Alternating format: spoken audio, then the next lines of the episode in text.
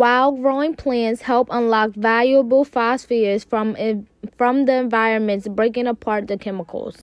Soil phosphorus losses from agricultural studies will limit food and feed pro- production in the future.